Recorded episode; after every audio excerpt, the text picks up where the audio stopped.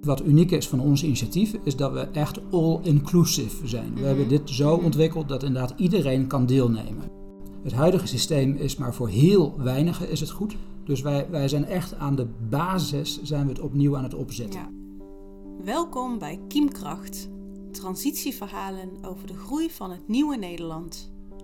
In deze podcast zoomen wij, Louise Boelens en Anne van Strien, voor Duurzaam Door kennisprogramma van de Rijksoverheid in op kiemen van transities. Waar kiemt het? Hoe groeit het? En wat wordt er geoogst? In deze aflevering horen we alles over de circulaire energiecoöperatie. Hernieuwbare energie voor iedereen. Wat is er nieuw aan dit initiatief? Iedereen kan mede-eigenaar zijn. Hoe zit dat precies? We spreken met Onno van Beckum van de energiecoöperatie Bommelerwagen Stroom en Michiel de Raaf, burgercommissielid van de gemeente Maasdriel. Een kijkje in de keuken van de energiecoöperatie 2.0 die ontkiemt in, de Bommelerwaard. Onno, om bij jou te beginnen. Kun je vertellen hoe je hierbij gekomen bent? Ik ben uh, Onno van Beckum, ik ben uh, nu 50 jaar. Uh, woon hier in Amersfoort aan de Dijk. Ik ben in 1993 eh, in Wageningen afgestudeerd als landbouweconoom en kwam in de eindfase van mijn studie de coöperatie tegen. Toen dacht ik van, hé, hey, dat is een mooi model, want daar kun je een heleboel mee organiseren. Niet alleen voor boeren, maar eigenlijk ook maatschappelijk zou je daar een heleboel mee moeten kunnen doen. En dat heb ik toen ook wel eens verteld. En toen zeiden mijn collega's bij Nijenrode, die zeiden van, hé hey joh, maar wat bedoel je daar dan mee? En toen zei ik, ja, dat weet ik niet. Ehm, wat die coöperatie maatschappelijk zou kunnen doen. Ik vind het een interessant model en volgens mij moet je er wat mee kunnen. Um, nou, inmiddels zijn we um, ja, dik 25 jaar verder. Dus ik ben met ja, ik ben meer dan de helft van mijn leven. Ben ik, uh, ja, zeg maar meer dan de helft van mijn tijd met één ding bezig en dat is met coöperatie. Wauw. Ja. Dus ik heb daar uh, na mijn Wageningse studie uh, ben ik daar een proefschrift over gaan schrijven. Die heb ik uh, eind 2000 heb ik die ingeleverd bij Nijrode. Ben daar gepromoveerd. Ik ben nog uh, tien jaar daar gebleven. Heb daar heel veel onderzoek gedaan naar coöperaties wereldwijd. Ehm, nou, als Nederlanders zijn wij goed in samen dingen organiseren. In feite de 900 jaar oude waterschappen. En de gildes en weet ik veel, dat, dat, dat, daar zit een heleboel coöperatief denken in. Ja, en je ziet nu eigenlijk heden ten dagen weer een soort revival van de coöperatie, maar dan in allerlei nieuwe structuren. En daar heb jij er één van opgericht hierin. Uh, de, hier in de regio, hier in het gebied. Ja, ja, ja nee, dat klopt. Dus ik, ik ben op een gegeven moment ben ik vanuit, mijn, vanuit Nijenrode een eigen bureautje gestart voor coöperatieontwikkeling. Was toen eerst nog bezig met die oude coöperaties. En toen, he, van 100 jaar geleden, uh, werd steeds meer gevraagd door nieuwe initiatieven van joh, uh, mogen we eens met je praten, kun je eens met ons meedenken. En op een gegeven moment dacht ik, uh, er was nog het Verenigde Naties jaar van de coöperatie, 2012. Uh, ik denk dat ik toen eigenlijk wel de switch gemaakt heb van eigenlijk oude coöperaties naar nieuwe coöperaties. En die zitten inderdaad allemaal in het maatschappelijke, of heel veel daarvan zitten in het maatschappelijke domein. Mm. En dat is omdat wij als huishoudens en als um, gemeenschap, uh, gemeenschappen, als samenleving nog steeds behoeften hebben waarin het nu slim is, verstandig is om daar gezamenlijk in op te trekken. En het hele leuke is dan dat als je die individuele behoeftes van al die huishoudens optelt in zo'n gebied, mm-hmm. dat je dan komt bij de opgaven, de maatschappelijke opgaven van het gebied. Dus ik heb behoefte aan stroom voor mijn koelkast. Dat hebben mijn buren ook. We hebben mm-hmm. allemaal behoefte aan energie. En dat is, dat is iedereen, heeft diezelfde behoefte. De technologie is er nu uh, goed genoeg voor om dat lokaal te gaan organiseren. Hè. Gewoon zonnepanelen en windmolens, daar kun je gewoon uh, je energie mee organiseren. Je bent niet meer afhankelijk van Saudi-Arabië of de Russen of wie dan ook. Daarmee ook niet meer afhankelijk van de geopolitieke problemen die dat oplevert. Maatschappelijk, mondiaal hebben we een vet probleem met energie. de vervuiling die het oplevert en de, en de opwarming van de aarde. Uh, als gevolg van het stoken van die uh, fossiele brandstoffen. Dus als samenleving willen we de overstap maken, de transitie naar hernieuwbare energie. Mm -hmm. En wij zeggen dan, laten we dan die ene transitie verbinden aan een tweede transitie. Dat is namelijk de democratisering van de economie. Waar nu uh, bijvoorbeeld... Wie zijn wij in dit verband, Hanna? Ja, dat zijn gewoon wij, wij mensen. die ergens wonen. mensen in dit gebied, dus de mensen met wie jij dit initiatief... Ja, eh, ja, dus we zijn hier in de Bommelerwaard. Zijn we ehm, in april 2016 is het initiatief genomen door iemand die hier woont in de buurt. Die stond in de krant en zei: joh, wie helpt mij mee met een zonnepanelencollectief? Nou, toen stootte mijn vrouw mij aan en zei: joh, Onno, dat is iets voor jou. Ehm, nou, toen ben ik hier die lokale coöperatie gaan helpen structureren en oprichten. Ik ben in het bestuur gaan zitten. Ik ben kwartiermaker geworden eh, voor drie jaar lang om eh, die coöperatie in volle vaart neer te zetten. En, en dat doen we om dus een alternatief neer te zetten naast wat wij menen. eh, en wij is dan eh, denk ik eh, veel meer dan alleen wij hier in de buurt. dat het, het huidige energiesysteem, maar eigenlijk het hele huidige ja, neoliberale vrije marktsysteem overleden is. Dus het is voor een deel dat we zeggen, joh, op het moment dat we het hier samen doen, dan wordt het wat goedkoper en het is ook wel leuk als community om samen, hè, de sociale cohesie enzovoorts, om samen hier dingen te doen in plaats van te pingpongen. En, en dat bewustzijn dat je echt aan het bouwen bent eigenlijk aan een andere maatschappij, is dat bij iedereen dan aanwezig? Van al Ja, ja, dat is bij, ja dat, is bij, dat is bij iedereen is dat aanwezig. En, en we hebben heel expliciet gemaakt dat ons initiatief gericht is. Niet alleen op die individuele behoeften, maar ook op de maatschappelijke opgave. En, en daar hebben we een heel verhaal over geschreven. En hoe zou je die maatschappelijke opgave kort samen kunnen vatten? Ja, nou dat is de transitie naar een, een duurzaam systeem. Mhm. En, en dat is een inclusief, eh, inclusieve vorm van duurzaamheid. Het is niet alleen voor de, de, de bovenste helft van de, de 50% of de 0,1% van de samenleving. Ja, want dat is heel, heel bijzonder aan jouw specifieke inbreng. Dat jij dus helemaal nagedacht hebt over hoe iedereen hier echt aan mee zou kunnen doen. Zou je daar iets over kunnen vertellen? Hoe dat, Ja, hoe dat in elkaar steekt, maar een beetje eh, bondig, zodat mensen ook dat kunnen begrijpen. Het hoeft niet een heel technisch verhaal te zijn. nee.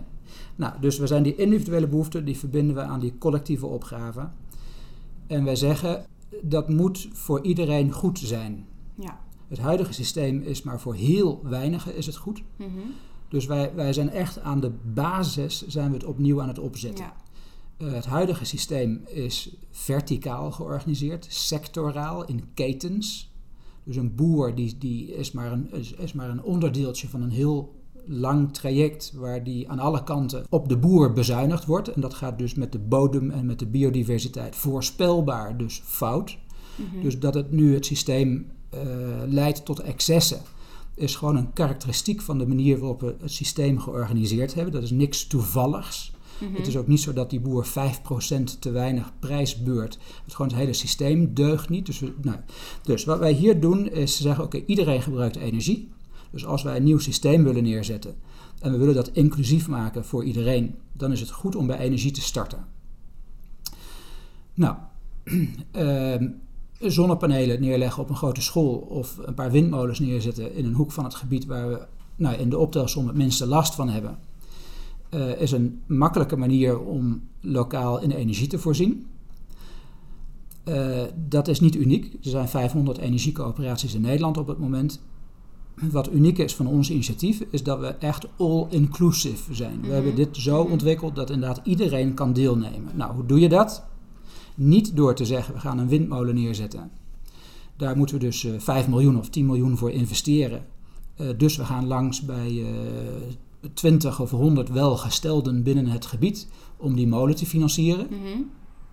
Maar, Maar wij zeggen iedereen heeft behoefte aan energie. Iedereen betaalt elke maand zijn energierekening. Heel voorspelbaar betekent dat dat wij jaarlijks een bepaald, als gebied een bepaald bedrag uitgeven aan energie. mhm. En eh, de komende tien jaar dus heel voorspelbaar eh, een, een, een fors bedrag gaan neerleggen voor energie. Dat gaat nu allemaal het gebied uit. Als wij die rekening kunnen gebruiken, die toekomstige energierekening kunnen gebruiken voor de huidige investering. Mhm. Het enige wat Dus je dan eigenlijk de opbrengst heb je de- ja, de- ja, ja, je- dus als wij de stroom van die windmolens zelf gaan gebruiken, maar daar wel aan onszelf in feite, aan onze coöperatie voor betalen, dan zijn de opbrengsten van die windmolens, die zijn voorspelbaar. En, en die opbrengst kun je gebruiken om nu die investering te doen. Dus waar 499 coöperaties in Nederland gericht op energie bezig zijn om eigenlijk rendement te realiseren voor investeerders die deel uitmaken van die coöperatie, wat in feite beleggersverenigingen zijn, is die 500ste, om het zo te zeggen, wat wij hier doen. dus? Wij zijn aan het kijken van nee, we gaan geen energie opwekken om te verkopen aan de hoogstbiedende, zodat na aftrek van kosten we zoveel mogelijk overhouden en dat dan verdelen over de investeerders binnen die coöperatie. Wij zeggen nee, ja, eh, u heeft 3500 kilowattuur nodig. Nou, dan is dus een deel van de prijs die u daarvoor betaalt, gaat naar die coöperatie toe. Een ander die 7000 kilowattuur consumeert, omdat hij bijvoorbeeld een auto heeft die elektrisch rijdt. Ja, die legt dus meer in in die coöperatie, omdat hij meer, over meer kilowattuur eh, gewoon Gaat die prijs betaalt. Ja. Nou, dus dat betekent... echt de enige, kun je dat zeggen? De enige in heel Nederland die dit, deze...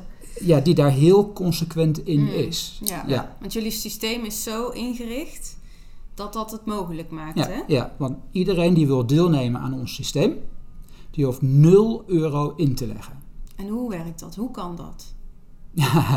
ja, nou ja, dat is heel simpel. Dus dat betekent dat je, omdat wij zeggen we financieren die molens, die zonnedaken met toekomstige energieopbrengsten, heb je eigenlijk alleen nodig dat je nu een lening afsluit van een partij die zegt, nou dat is goed, dat wil ik wel doen. Mhm.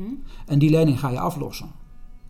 Dus ehm, ja, ik heb hier bij mij in de straat, ehm, eh, of net om de hoek, eh, daar woont een dame die ook een hondje heeft.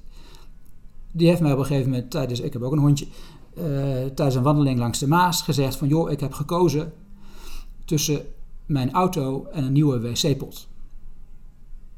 Dus die heeft nu geen auto meer, maar kan wel weer naar de wc. Deze dame kan gewoon volwaardig deelnemen in onze coöperatie en mede-eigenaar zijn van deze molen. Omdat zij, net als degene die zijn derde jacuzzi aanschaft, gewoon een deeltje van die kilowattuurprijs inlegt als haar deel van eh, die windmolen. Mhm. Dus bij alle andere windprojecten in Nederland, daar, ga, daar hangen grote posters in de wijk ehm, van joh, investeer in deze molen en je krijgt een rendement van, laat maar zeggen, 10%. Dat is heel fijn voor degenen die dat geld al hadden. En degenen die het geld niet hadden, die kijken wel naar dezelfde windmolens. En die denken van jongens, ik word gewoon uitgemolken door mijn eigen buren. Want ik zit dus stroom af te nemen van zo'n windmolen of ergens anders vandaan. En het rendement op die stroomafname gaat in de zakken. Ja, dan niet van de grote beursonderneming Nee, van of de grote. Maar, maar in feite gewoon mijn eigen buren die wel het geld al hebben. Dus, Ja. dus dat, dat creëert een spanning in de samenleving die voorspelbaar eh, tot een drama gaat leiden. Ja, jij vertelde dat ehm, je gebruik maakt van die postcode roos Ja. regeling. Ja, is een Maar die houdt op te bestaan. Of stel dat die er niet zou zijn, is dat dan nog steeds een eh, haalbaar model? Ja, nou ja, de overheid die vindt het goed om de energietransitie te bevorderen. Dus er zijn wat fiscale regelingen om het aantrekkelijk te maken om te investeren in duurzame energie. Eh, elke burger betaalt per kilowattuur meer dan een cent eh, om die subsidiepot te vullen.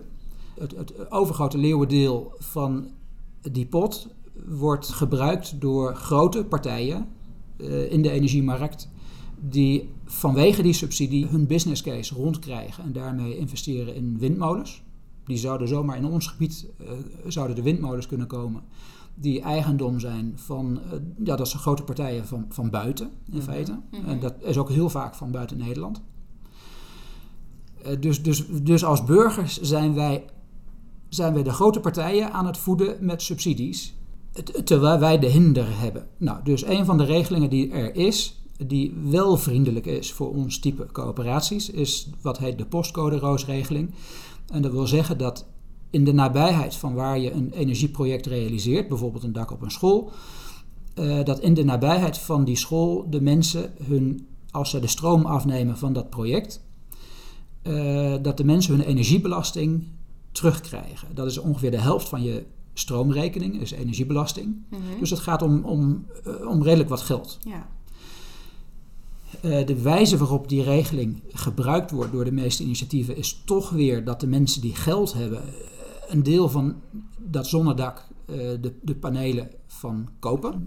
Dus de, de, de arme helft van het land, om het zo te zeggen, de, het, het groeiende leger van mensen die, eh, die het niet meer hebben,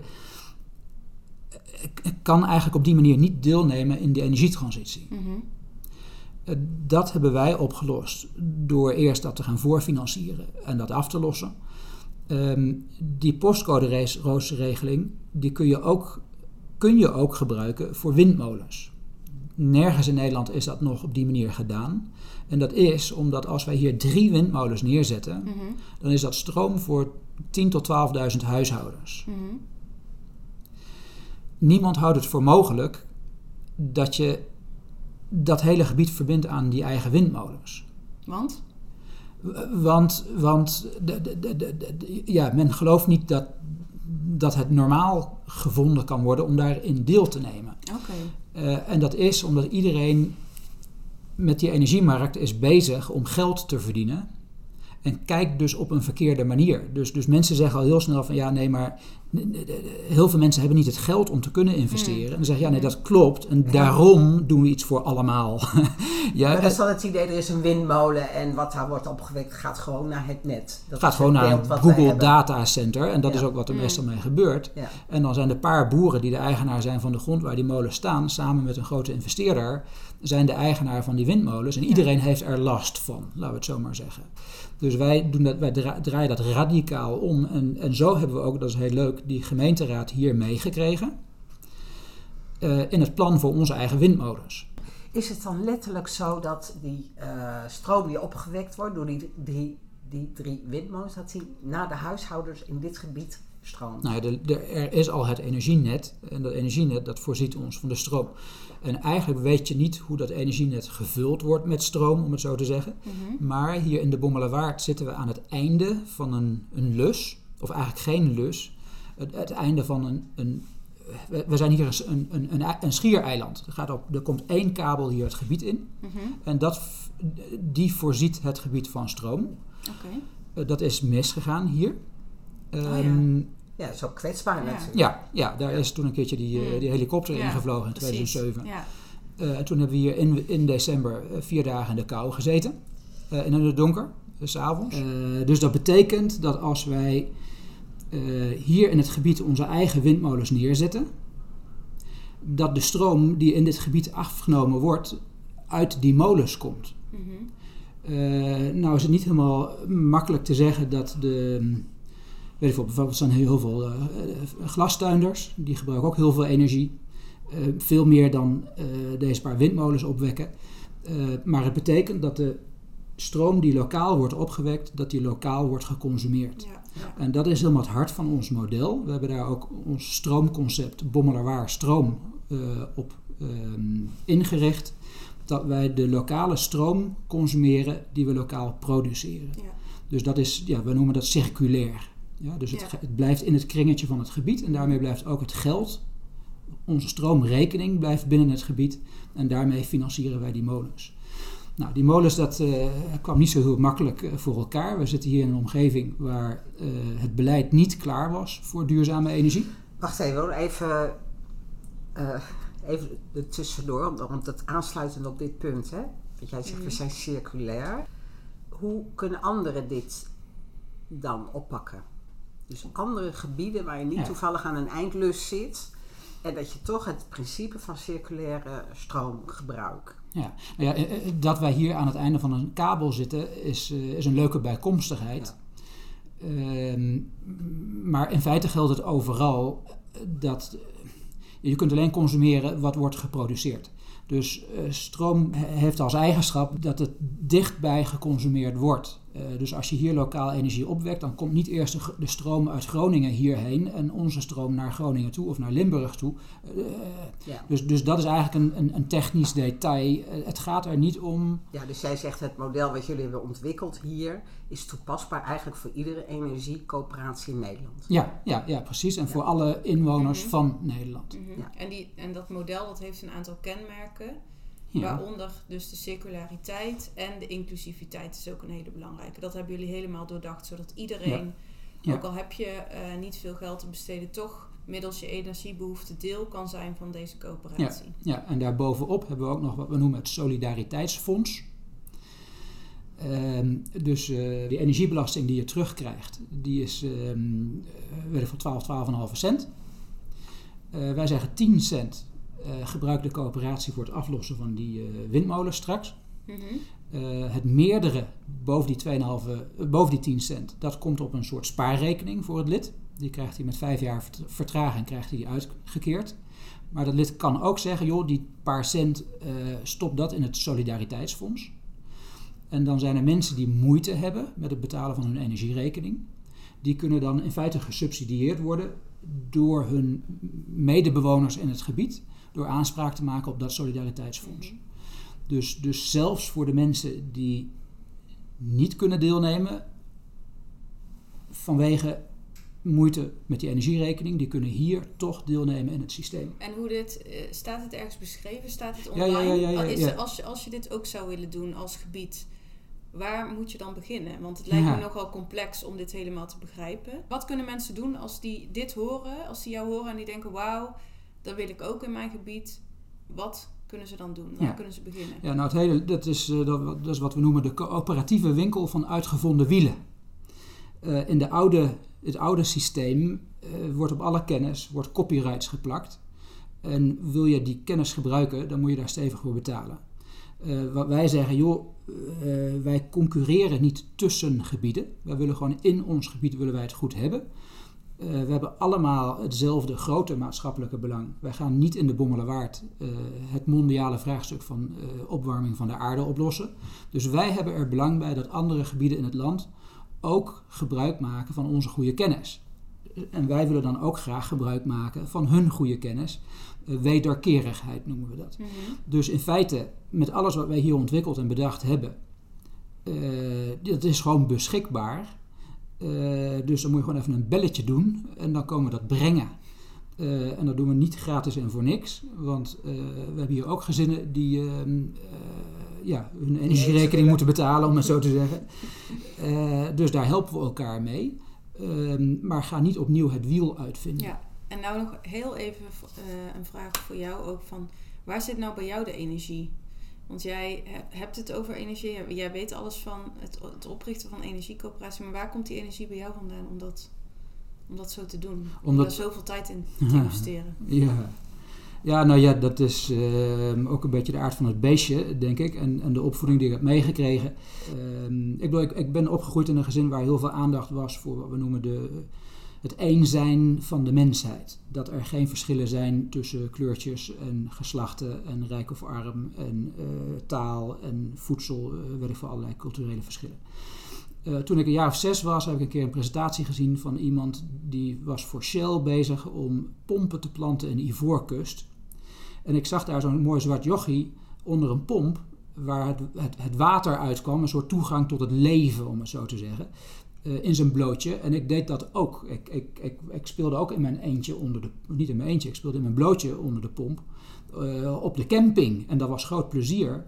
En het was voor mij zo'n gevoel van onrechtvaardigheid dat ehm, mensen met zo'n mooi kleurtje ehm, geen toegang hebben tot basisvoorzieningen. Dat wij de dingen in de wereld zo georganiseerd hebben eh, dat het niet voor iedereen goed is. Dus voor mij is coöperatie is de manier om dat patroon te doorbreken. Die, die, die verticaal georganiseerde economie en samenleving, waar al het geld uiteindelijk terechtkomt bij eh, een zeer kleine minderheid van de, van de wereldbevolking. En de rest eh, eigenlijk aan het werk is om dat te voeden. Die, die, die onlesbare dorst en honger. Ehm, dus ik heb het gevoel dat wij hier bezig zijn om een, niet een verticale, maar een horizontaal eh, economie en samenleving in te richten. Mhm. En dat vraagt dus dat je ehm, iets doet dat, dat, dat anderen in deze vorm niet gedaan hebben. Ja. Dus ik, ik wil heel graag laten zien dat dat kan. Dus we maken gebruik van de oude coöperatieve principes. Ik, bedoel, eh, ik heb het gewoon geleerd van Friesland Campina en al zijn voorgangers. eh, en de Koosen enzovoort. Ehm, samenwerken kunnen we. Maar in een nieuwe vorm moeten we het even ehm, ja, met eigentijdse technologie doen. Uh, met eigentijdse social media enzovoorts, die het veel gemakkelijker maakt om als gemeenschap dingen op te lossen. Ehm, dus er zit, heel veel, er zit heel veel aan vast. En eigenlijk ben jij heel je leven al daarmee bezig geweest. Ja. Ik snap dat het heel diep zit en dat je daardoor ook uh, er zo intensief mee bezig bent. Um, maar je hebt het natuurlijk niet zomaar voor elkaar uh, gekregen. Want uh, ja, er ligt ook een lijntje natuurlijk naar de gemeente. Want je kan niet zomaar in een gebied iets beginnen of iets, iets uit gaan voeren. Ja. En um, Michiel de Raaf, jij bent ook aangeschoven. Jij bent raadslid bij de, bij de gemeente Maastriel. Ja hoor, ja, ik ben burgercommissielid. Dus Ja. niet de raad, gemeenteraadslid, maar... Maar dat is een kwestie, Burgercommissielid, oké. maar dat is een kwestie van tijd. Is een kwestie van tijd. Ehm, graag eh, horen we ook even van jou van hoe, hoe ben jij hier betrokken bij geraakt en hoe was het voor jou om dit eigenlijk in de gemeente in te brengen of erin te Ja. loodsen? Want je hebt al iets verteld over het veranderen van een mindset bij je collega's. Hoe is dat gegaan?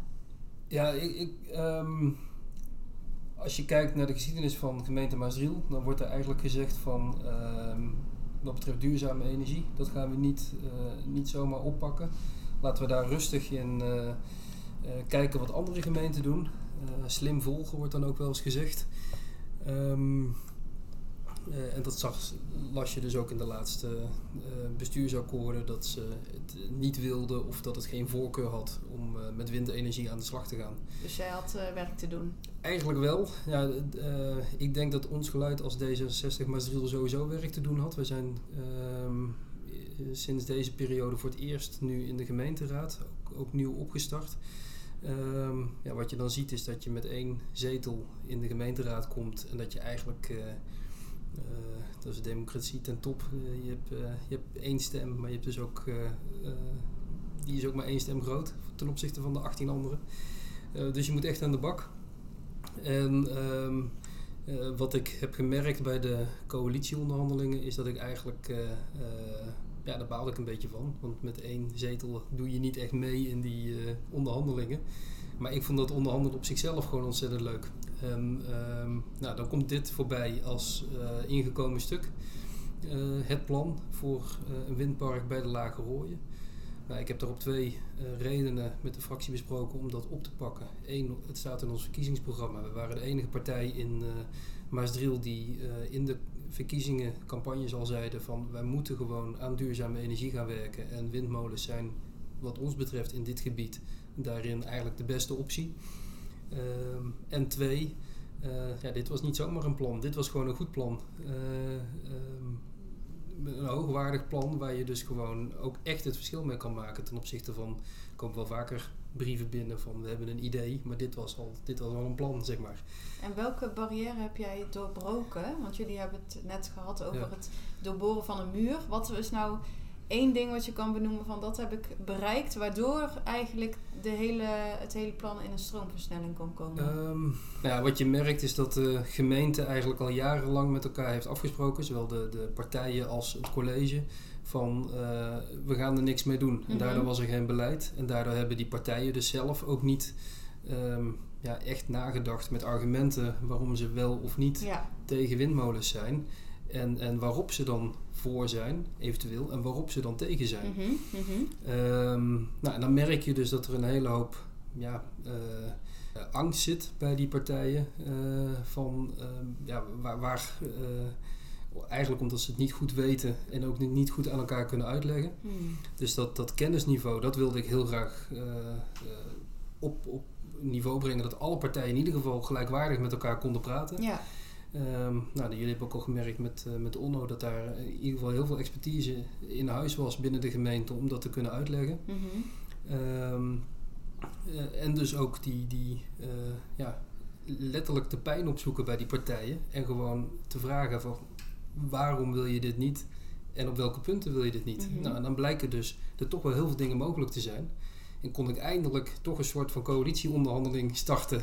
Zij binnen dit, binnen dit dossier en, eh, ook maar eenmalig wat dat betreft. Ehm, eh, maar wat je dan ziet is dat er een aantal partijen het niet willen omdat ze de locatie gewoon niet goed vinden. Er zijn een aantal partijen die er gewoon nooit goed over na hebben gedacht. Ehm, maar toch wel schrikken dat zo'n windpark als wat de Lage Rooien is, ook zomaar door de provincie gerealiseerd zou kunnen worden. En dat je als gemeente toch wel eventjes aan die eh, moet laten weten van willen we dat zelf of willen we dit uit handen geven. Eh, en dan ben je het ook helemaal kwijt. Ehm, en dat er dus ook partijen zijn die zeggen van ja, eigenlijk als ik het moet uitleggen naar de volgende generatie, is dit zeker iets wat we moeten doen en zijn er ook geen betere alternatieven die we nu in dit gebied zouden kunnen realiseren. Maar uh, we zijn bang dat nou, de stroom komt dan wel terecht in het gebied, maar als je de lasten hebt, kun je dan ook op een bepaalde manier die lusten krijgen. Dus, dus een, een participatiemodel die er eigenlijk voor een, voor een deel al uh, goed in zat, maar dan misschien nog net een tandje scherper kon. Um, Hoe bedoel je dat? Kun je dat uitleggen? Um, Welk tandje scherper? Een tandje scherper was dat er was een, uh, een uh, postcode roos georganiseerd. Mm -hmm. Wat betekent dat je dus eigenlijk in verschillende um, ja, in verschillende stralen vanaf, die, vanaf dat windpark daar aan mee kan profiteren. Uh, maar de, de verste kernen, die dus buiten die postcode roos zitten, die zouden wat dat betreft eruit vallen. En dat komt nu dus via gebiedsfonds, zouden verenigingen en, en dorpsinitiatieven toch weer geld kunnen krijgen. Uit. Oh ja, dus met participatie bedoel je mensen die kunnen deelnemen, mensen die echt ja. mee kunnen doen in de, ja. deze het is, het is een heel technisch verhaal en Onno kan het veel beter vertellen dan ik, maar uiteindelijk komt er uit die windmolens komt stroom en er komt ook een beetje geld. En, en dat geld uh, is nodig om die, om die molens uh, terug te betalen. Maar je kan dus ook dat geld gebruiken, dat overige geld gebruiken om ja, burgerinitiatieven in de gemeente te, uh, op te zetten.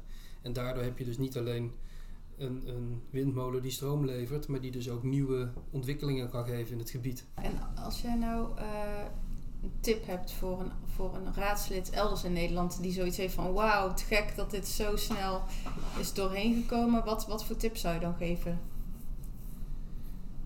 Uh, dat is een goede vraag. Um, altijd contact opzoeken met, uh, met alle andere partijen. Um, vooral ook de partijen waarvan je eigenlijk weet dat ze positief zijn, ook meenemen in het verhaal.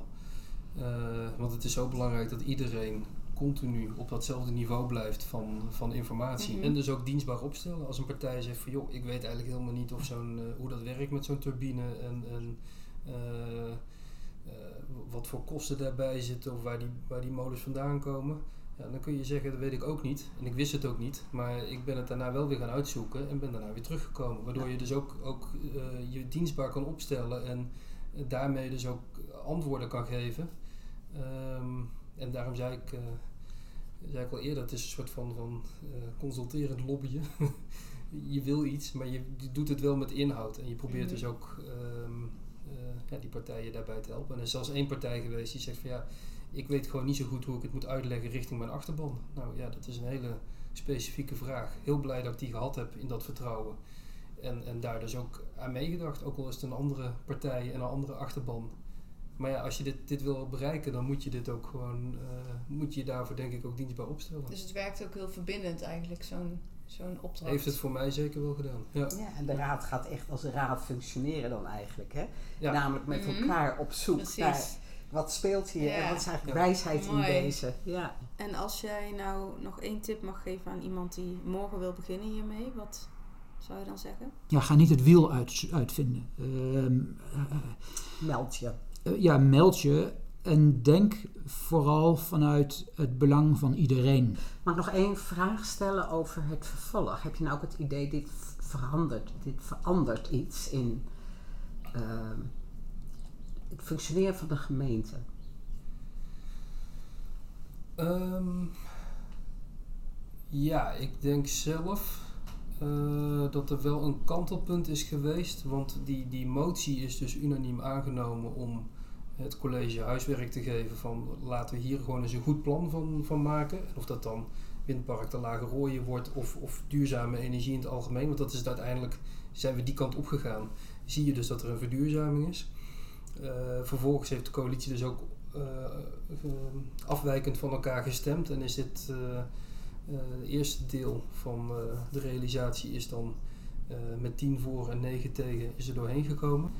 Um, je merkt wel dat er dus van alles nu mogelijk is binnen deze gemeente. En, en, maar dat het dus alleen kan als je op inhoud en, en dienstbaar met respect voor elkaar dat, dat gaat Mm, doen. En dus dat- dan nieuwe coalities gevormd kunnen worden. Eh, soms ook niet, maar eh, eh, dat het in ieder geval niet betekent van oké, je hebt eh, de verkiezingen zijn geweest. Zoveel mensen hebben op je gestemd. Je hebt één zetel. Ja. Jammer, je doet eigenlijk niet meer mee. Mhm. Dat is Ja. nu in Maasdriel helemaal niet meer eh, Mm. het geval. Dank je voor het luisteren. We spraken met Onno van Beckum van de energiecoöperatie Bommelerwaar Stroom en Michiel de Raaf, burgercommissielid van de gemeente Maasdriel.